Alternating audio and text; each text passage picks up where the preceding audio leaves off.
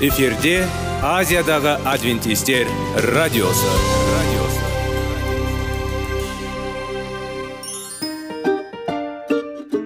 Сәлем достар. Денсаулық өмір бұлағы және біздің бірінші байлығымыз демекші денсаулық сағаты рубрикасына қош келдіңіздер. Біздің рубрикада біз әртүрлі факторларменен мәліметтерменен кеңестерменен бөлісіп шын жүректен сіздердің дендеріңіз сау болғанын қалаймыз. Сол үшін біздің рубрикаға қош келдіңіздер. Дайындалып тұрыңыздар. Өйткені келесі минуттарда қызықты фактілерге ие боласыздар. Енді достар ең бірінші байлығымызды қолымызға алып алға кеттік.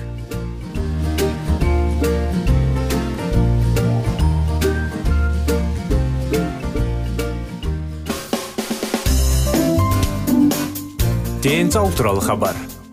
Денсаулықтың ашылуы. Күн сайын сөз үшін күшті кеңестер соңғы жаңалықтар қызықты факторлар. Біздің рубрикада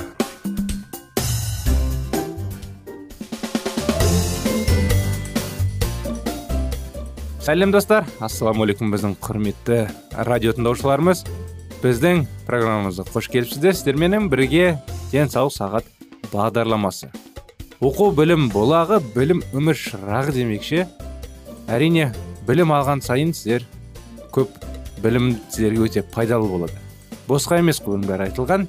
Сондықтан құрметті достар біздің денсаулық сағат бағдарламамызда денсаулыққа пайдалы кеңестер мәліметтер фактілер біліп оны өмірімізде қолдануға тырысамыз. Сіздерге жаңа көптеген қызықтар пайда болады деп ойлаймыз. Денсаулық өте маңызды тақырып. Бүгінгі күнде көптеген адамдар денсаулықты күтпейді. Денсаулық күту керек. Қазіргі уақытта үлкендер де жастар да кішілер де кәрілер де бәрі жиі ауырады. Денсаулықты күте білу керек. Сондықтан біздің салауатты болу тақырыптарымызды жалғастырғымыз келеді сіздермен бірге. Сондықтан өмір тынысы. Адамның өмірі көптеген факторларға байланысты. Тамақтану тыныс алу қозғалыс су пайдалану және тағы басқа. Бірақ өмір үшін ең басты фактор тыныс алу. Егер адам сусыз бірнеше күн өмір сүрсе бірнеше тамақтанбай бірнеше минут демсіз өмір сүре алады ма? Біз дем алатын ауа көкпені өкпені толтырады және ағзаны тыныс тіршілігін сақтай отырып қышқыл үйді қан байтайды сондықтан біз үшін бұл ауаның сапасы өте маңызды немесе ластанған болу керек. Біз экологияны бүгінгі күні ерекше назар аударуды және оған ұқыпты қарым қатынасты талап ететіндігімен келісеміз. Ауа әртүрлі зиянды шығарыланды лас қажетті өнімдер мен халық тұтынатын тауарларды шығаратын көптеген өнеркәсіптік кәсіпорындар зауыттар фабрикалар сондай ақ автокөліктердің тез өсіп келе жатқанын саны біздің жайлылығымызды құрауымыз керек. Бірақ өкінішке орай кейде ауа таза және таза емес. Оны толық ләззат алатын орынды іздеуге тура келеді. Бірақ көптеген адамдар да осы артықшылықпен жете алмайды. Және түтін шығаратын тетікпен немесе машинамен жүзеді. Менің айтатын кім темекі тартады? Өзін атаблять етіп осылайша ағзаны және өзіне кедер қолайсыздықты үшін айналдыға адамдардың оларға да кедер жасап. Құдай адамға өмір сыйлайсын берді. Ол өзі және денсаулығы үшін дана соломон ол екклесиаст уағыздаушы өзі кітабында былай деген екен. Адам билігінде емес өз еңбектен өз жаныңда суыту және ішу үшін жақсы. Мен бұл құдайдың қолынан кім бар және онсыз кім ләззат алады?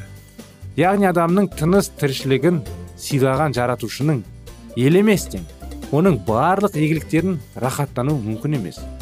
Өкінішке орай адамдар өз күш жігерімен өмір сүру мерзімін қысқартады. Бірақ құдай адамның ақыл ойына қарап былай дейді.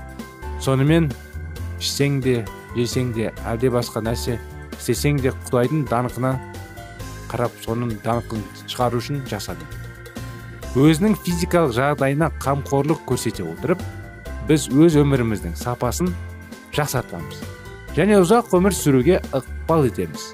Сол арқылы құдайға барлық игіліктерге ие болуға және құрметтеуге бөлеміз. Құдай адамдарға таңдау еркіндігін береді. Ол адамның қолынан темекі немесе алкоголь сусының бар стакан жұмылмайды жоқ бірақ құдай бізге ең жақсы нәрсе ұсынады қарапайым ереже біз денемізді және жанымызды сақтауымыз. Ол біздің денемізге қалай қамқорлық көрсететінімізге өте сақ болуды сұрайды. Құдай өз сөзі арқылы көңілді жас жігіт сенің жастарыңда сенің жүрегің жүрегің өшіртеді сенің жастарында қол жеткізіңдер. Және сенің жүрегің жүрегінде және сенің көзіні көзінше жүріңдер. Тек осының бәрі күш құдай сені сотқа әкелетін біліңдер. Мұндай көзқарас біз өз өмірімізді жер бетінде қалай тұрамыз деген жауап беруге тура келеді. Бірақ біздің жер бетіндегі еліктеу кезінде біз қандай да бір есеппен кездесеміз? Өйткені белгілі бір салдағыз денсаулықтың негізгі қағидаларын елемеге болмайды. Біз ауырамыз және азап шегеміз. Көптеген адамдар ерте өледі. Және бұл құдайдың кінәсі жоқ. Бұл біздің іс әрекетіміздің нәтижесі. Бұл дұрыс емес өмір салтының салдарын көтереміз. Қазіргі қоғамдағы темекі шегу мәселесі өте өткір. Қазақстанда ересек тұрғындардың 37 пайызы темекі шегеді. 18-ден 44 жасқа дейінгі жас тобында ресей азаматтарының жартысы дерлік. Жеті бүтін оннан үш миллион адам 18 жасқа толмаған. Олар да темекі шеге бастаған.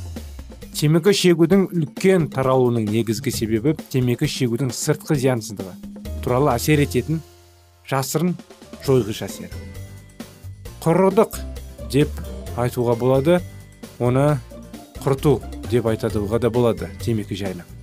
Ол жаймен құртатын зат. Таңдауыма итермелейді. Бұл ол бірден әрекет етпейді және қауіпті емес деп ойлауға болады. Өлім жітімнің алдын алуға болатын аурулардың арасында темекі шегу әлемдегі бірнеше бірінші орында төмендетіп отыр. Алайда үш жарым бесте төрт миллион адам жыл сайын темекі шегуден байланысты денсаулық қиыншылықтар нәтижесінде өледі. Темекі шегуден шылым шегулердің өздері ғана емес темекі шекпейтін адамдар да зардап шегеді. Ғылыми зерттеулер көрсеткендей көп темекі шегу әртүрлі аурулардың даму қаупін арттырады. Адамның мүгедекті мен өліміне итермелейді. Мінекей қандай қауіпті қандай қауіп күтіп отыр бізді құрметті достар. Өзіңіз болмаса достарыңыз ондай дұрыс емес нәрсемен айналысатын болса енді темекімен өз денсаулығына құртатын заттарға құмар болса оны біздің бағдарламамызды тыңдасын деп өтініңіздер. Осымен бағдарламамыз аяғына келді. Келесі жолы біз жалғастырамыз. Сіздерді келесі жолға шақырамыз. Келесі жолға құрметті достар сау саламатты болыңыздар.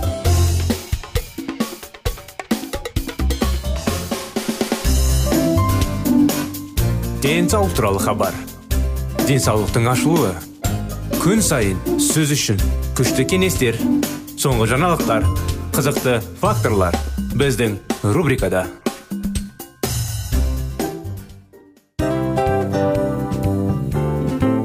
Әуелі байлық денсаулық екінші байлық он саулық үшінші байлық ақ жаулық ал енді осындай радио парақшадан кейін не дейміз? Барлықтарыңызға денсаулықтарыңыз зор болсын деп тілейміз. Денсаулықтың өзгеруі кішкентай нәрселерден басталады. Осымен біз берген кеңестер мен мәліметтер шын жүректен сіздер үшін қандай да бір болсын жәрдем берді деп үміттенеміз. Тыңдаушыларымызбен келесі радио парақшасына дейін қоштассамыз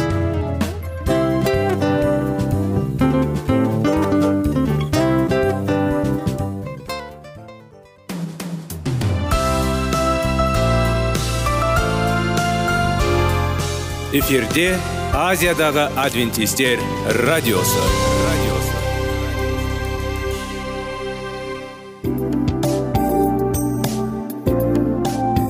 Сәлем достар. Барлықтарыңызға шын жүректен сөйлесек рубрикасына қош келдіңіздер деп айтпақшымыз. Шын жүректен сөйлесек бағдарламасы әртүрлі қызықты тақырыптарға арналған.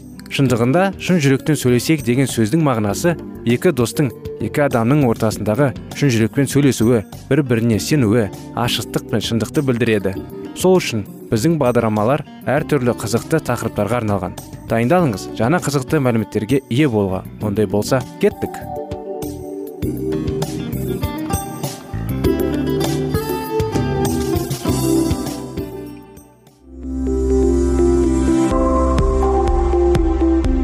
алтын сөздер. Сырласу. Қарым қатынас жайлы кеңестер мен қызықты тақырыптар. Шын жүректен сөйлесейік рубрикасында.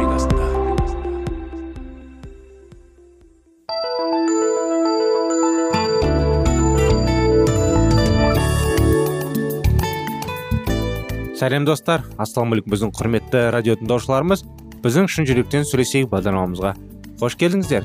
Сіздермен бірге баланың жүрегіне бес қадам тақырыбын жалғастырудамыз. Өткен жылы біз бір жанұя жайлы оқиғаны бастаған едік аяғына қарай жете алмадық. Сол оқиғаны мүмкін бір кісілер естімей қалған болса басынан бастап жалғастыра кетейік. Алан өрт сөндіруші. Ол осындай кесте екі тәулік бойы өрт сөндіру бөлімінде. Ол кезде ол тіпті сонада түнеп қалады. Үшінші тәулікте ода демалыс. Кейде демалыс күндері ол достарымен тапсырыс тауып жұмыс істеу үшін жөндеу жасайды. Оның әйелі хелен медбике ол жиі түнгі аусын күндіз де ұйықтайды. Ол түнгі жаңағы қызметте болып күндіз ұйықтайды. Олардың екеуі де түнде жұмыс істеген кезде олардың балалары джонатан және оның қарындасы дебра әкесімен ой кешіріңіздер әжесімен қалады. Джонатан сегіз жаста болғанда алан мен хелен алаңдатты. Бала алыс болып қалды. Одан да көп болды. Хелен құрбысымен бөлісіп одан енді сөздер созылмайды шықпайды дегендей. Оның бір нәрсе туралы сұрағанда ол бір ғана жауаптармен бөлінеді. Ал бұрын аузы жабылмайтын. Ол мектепке бармаған кезде мен жұмыс істемеген кезде есінде біз күн сайын саябақта жүрдік. Ол менің айналамдағы көңілді секірді және шексіз болатын. Енді онымен не болған түсінбеймін. Ақыл емес бір күшімді саламын. Алан джонатанның өзгерінің байқамайды. Ол ұлымен аз болады ал мен көремін бірде жоқ он роза құрбысы жаңағы хеленнің махаббаттың бес тілі кітабын оқып мазмұнында ол балалар туралы тарауды көргеніне еске түсірді. Роза бүкіл кітапты оқуға кеңес берді. Мүмкін ол өз сұрақтарына жауап табады. Екі аптадан кейін хелен розаны былай деп айтты.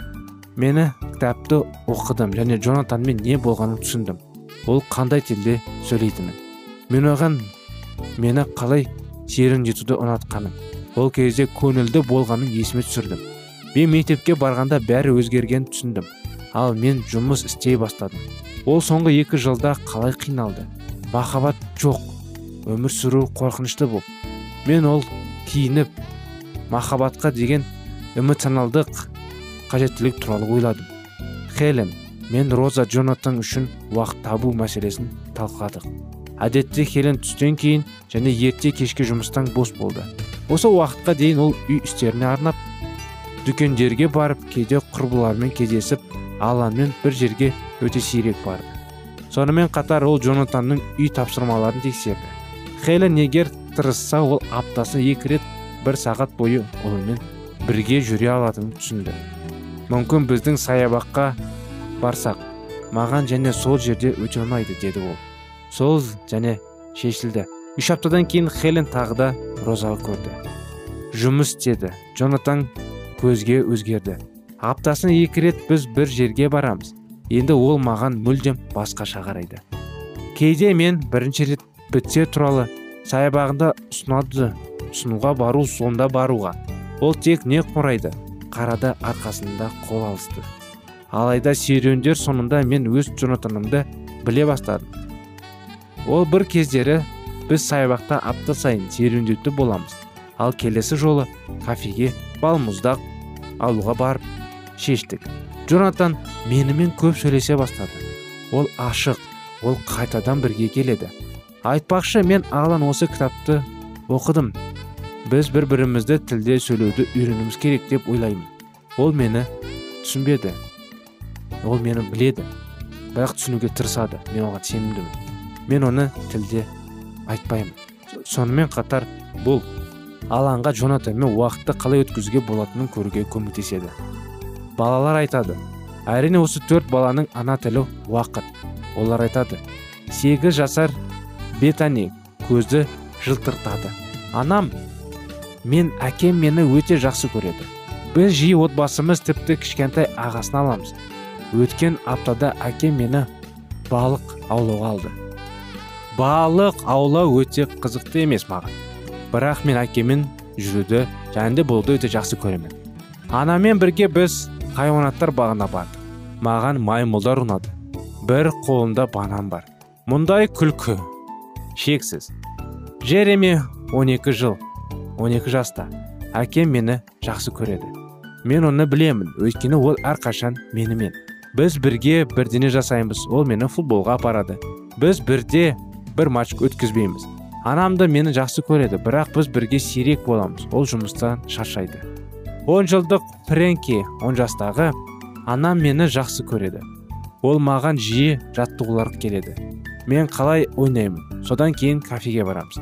Ал әкем ол мені жақсы көреді дейді. Ол бізді тастап ары не болғанын мен білмеймін. Мен оны сирек көремін. Ол алты жасар майкл былай дейді. Неге ата анам мені жақсы көреді? Мүмкін олар әрқашан мені тыңдауға дайын. Олармен барлығы туралы сөйлесуге болады. Олар түсінуден және кеңес көмектеседі. Және оларға әрқашан сене аламын. Бірінші жылдан кейін колледжге барамын. Мен оларға өте сағынып әрдайым сағынам олар сүйемін деп айтуға тырысамын. Бұл және басқа да көптеген балаларға ата ана назар қажет. Олар тек ата анасы оларға уақыт аямайтын болса ғана махаббат сезеді. Біліңіз түсініңіз олар ешқашан ұмытпайды.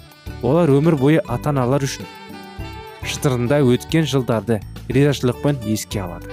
Бұл естіктер оларға қиын сәтте көмектеседі. Біздің міндетіміз оларға осындай естеліктер беру оларды махаббат ыдысын толтыру уақыт өте келе балалар кеңестілігіне мейірімді бақытты ересектерге айналады. Мүмкін осындай кеңестер құрметті достар балаларды түсінуге тырысайық.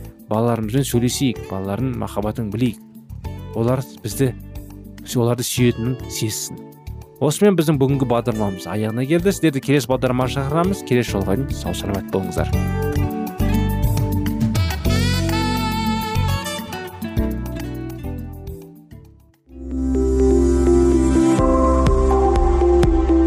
Алтын сөздер. Сырласу. Қарым қатынас жайлы кеңестер мен қызықты тақырыптар. Шын жүректен сөйлесейік рубрикасында.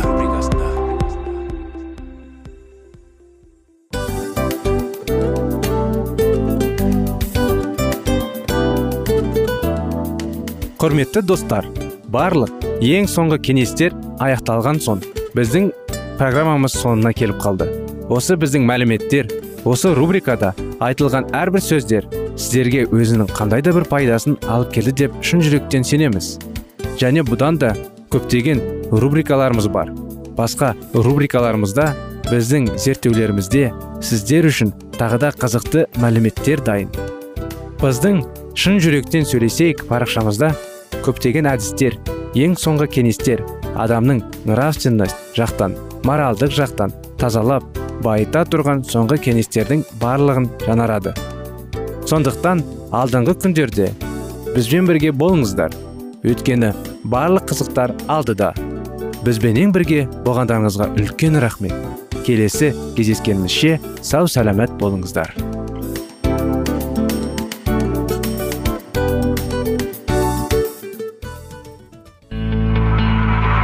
Жан дүниеңді байытқан жүрегіңді жаңғыртқан өмірдің мағынасын ойландырған рухани жаңғыру рубрикасы.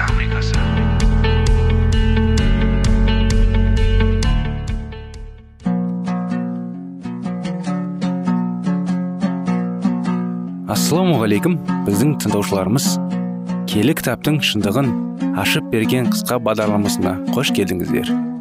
Барлығынан жоғары жаратушы біздің қарыңғылықта жалғыз қалдырып қойған емес. Өйткені ол келешекте не болу керек екенін киелі кітаптың парақтарында ашып береді. Немесе келіңіздер бізге қосылыңыздар. Жаратушы бізге нен ашып бергенін зерттейміз. Жаратқан е патша ол билік жүргізуде ұлылыққа бөленіп кенелген құдіретке. Орнынан қозғалмастай берік орнатылған әлем сенің құрметті тағын ежелден бекітілген уайым мәңгі бақи бар болып келесін сен. Құрметті достар ассалаумағалейкум. Саламатсыздар ма біздің құрметті радио тыңдаушыларымыз. Рухани жаңғыру бағдарламамызға қош келдіңіздер. Сіздердің назарларыңызға құрметті достар сенуді қалай үйренуді тақырыбын жалғастырудамыз. Мұнажат пен сенімнің мәнін түсінгенімізден кейін біздің мұнажаттық өміріміздің оңайланатын еш күмәнсіз. Бірінші кезекте бізге мұнажатымызды естілуі мұнажаттан бұрынғы оның үстіндегі және одан кейінгі сезімімізге немесе оларымызға ойларымызға қатысты еместігі айқын болды. Марк жазған ізгі хабардан тоғызыншы тарауындағы сорлы әкенің мысалы бұған айқын дәлел. Оның мына жатқа дейінгі кезіндегі және кейінгі сезімдері әрине көңілсіз болды. Оған тақырыптан шақыр шығар жол көрінбеді. Шәкірттер баланы сауықтыруға талпынды. Бірақ боларынан ештеңе шықпады. Содан кейін иса келіп сенімің туралы байсалды сөз айтты. Ал әлгі бейшара адам мен сенемін сенімің жетіспегенде оны нығайта көріңіз деген кезде ол өзі үшін бәрі бітті деп есептеген жоқ па? Оның ойлары сезімдерінен жоғары болған жоқ. Біз оның ойларын қолыңыздан келсе деген сөздеріне қарап біле аламыз. Яғни ол исаның өзіне көмектесе алатынына анық сенімді болған жоқ. Және ол исаның сөздерінен көмек оның өзіне де өзінің сеніміне де байланысты екенін түсінгенде мүлде абдырап қалды. Ол өзінің іштей сенім мен сенбеушіліктің арасында толық тұрғанын анық білді. Иә бұл жерде біздерге де қатысты жайт бар. Дұға еткен кезімізде біз де дәл осылай күй кешеміз. Біз де күмән мен сенімінің арасында толық тұрамыз. Біз өзіміздің дұрыс сиынғанымызға дұғамыздың құдайдың еркі сәйкес келетіне мүлдем сенімді емеспіз. Тіпті құдайдың еркімен синатымызға сенімді болған кезде өзінде дұғамызда байыпталық пен тәбіреністің аз болатынын сондай. Біз осындай ақ оның естілетініне күмәнданамыз. Тіпті осындай көңіл күймен сүйінуді құдайды мазақ ету ме деп сескенеміз. Осындай сәтте өз мұқтаждығымызбен исаға келген кезімізде сеніміміз жеткілікті екенін білгеніміз маңызды. Жүрегімізде күмән көп. Ал сенім аз болса біз исаға келген әкенің әрекетін істей аламыз. Біз оған өзіміздің күмәніміз және әлсіз сеніміміз туралы айта аламыз. Сонда біз жеңілдеп қаламыз және енді нық сыйынамыз. Маған сенімді нығайтуға тырысудың немесе жүрегімнен күмәнді кетірудің қажеті жоқ. Өйткені мұның екеуі де үмітсіз шара болар еді. Мен қанша ауыр болса да барша мұқтаждықтармен исаға келе алатынымды және күмәндіріп мен сенімінің әлсіздігінің мұны істемеуге кедергі келтіруме керектік түсіндім. Мен оған тек сенімінің қаншалықты әлсіз екенін айтамын. Осылайша исаға жүрегімді ашамын. Сонда ол менің мұнажатымды ести бастайды. Дұғаға байланысты қиындықтар. Иемденбейсіңдер өйткені оны құдайдан сұрамайсыңдар дейді. Сүйініп дұға ету. Бұл исаға өз жүрегіңді ашу.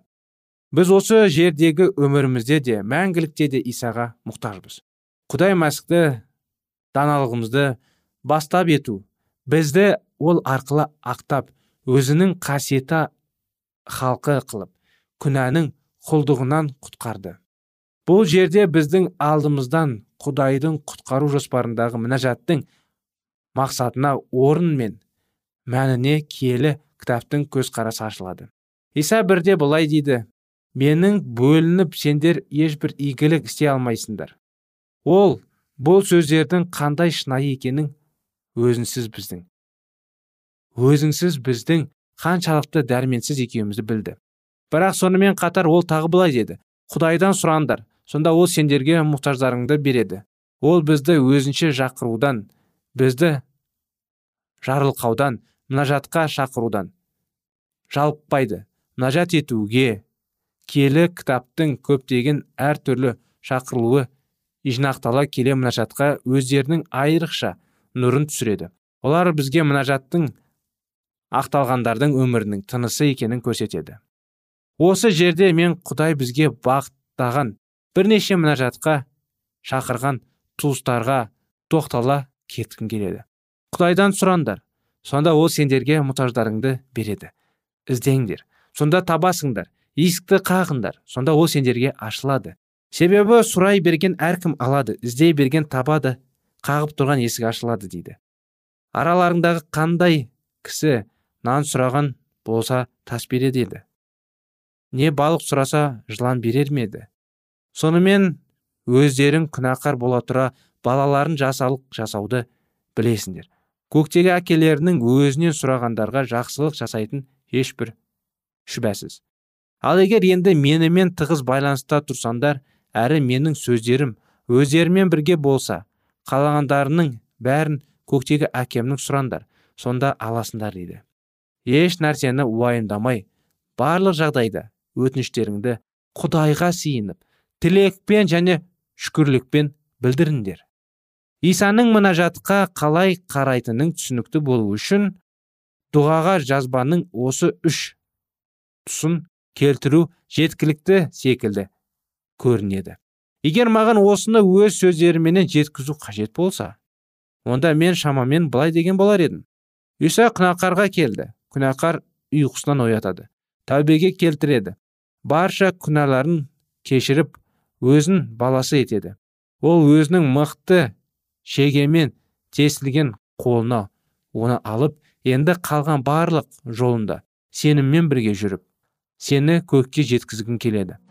Қиындықтарға ұшырасаң оны бірден маған айт. Ешбір жазғармай саған мұқтаждықтарыңның бәрін тіпті одан көп бергім келеді. Сен әлі өмір сүріп жатқан кезде әр күні және әр түні осылай еткім келеді құдай бізге әрдайым қамқор болып бізге көмектескісі келеді. Бізден әрине одан сұрау керек. Оны сұрау білу керек сүйіна білу керек. Мінекей осындай кеңестер осындай тақырып құрметті достар сіздерді келесі бағдарламаға шақырамыз. Келесі жолға дейін сау болыңыздар.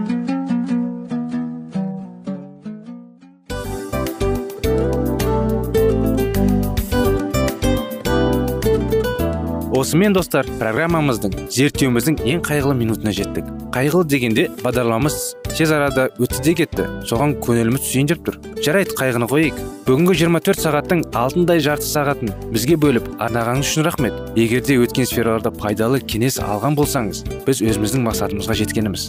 Тыңдаушыларымызбен қоштасу уақыты келді. Келесі кездесулерді сағынышпен күтеміз. Жарты сағатты кездесуіміз көз ашып шапқанша дем арасында өтіп кетті. Бірақ бізде жақсы хабар бар. Келесі зерттеулерімізде сөзсіз кездесеміз. Өйткені көптеген сюрприздер қызықты мәліметтерді және керекті нәрселерді көбін дайындадық. Бүгінгі күндеріңіз өзгеше позитивті болсын. Жақындарыңыз аман есен болсын деп тілейміз. Жаратқан ие барлықтарыңызға батасын берсін. Істеген істеріңіз игілікті болсын. Келесі кездескенше сау саламат болыңыздар. Достар біздің бағдарлама бойынша сұрақтарыңыз болса әрине сіздерге керекті анықтама керек болса біздің whatsapp нөмірімізге хабарлассаңыздар болады. Плюс бір үш жүз бір жеті жүз алпыс алпыс жетпіс. Иә достар сіздер қателеспедіңіздер бұл біздің номерлерге ұқсас болмаса да бұл whatsapp номер арнайы. Хабарласыңыздар сұрақтарыңызды қойып тұрыңыздар. Анықтаманы алып тұрыңыздар. Плюс бір үш жүз бір жеті жүз алпыс алпыс жетпіс whatsapp номері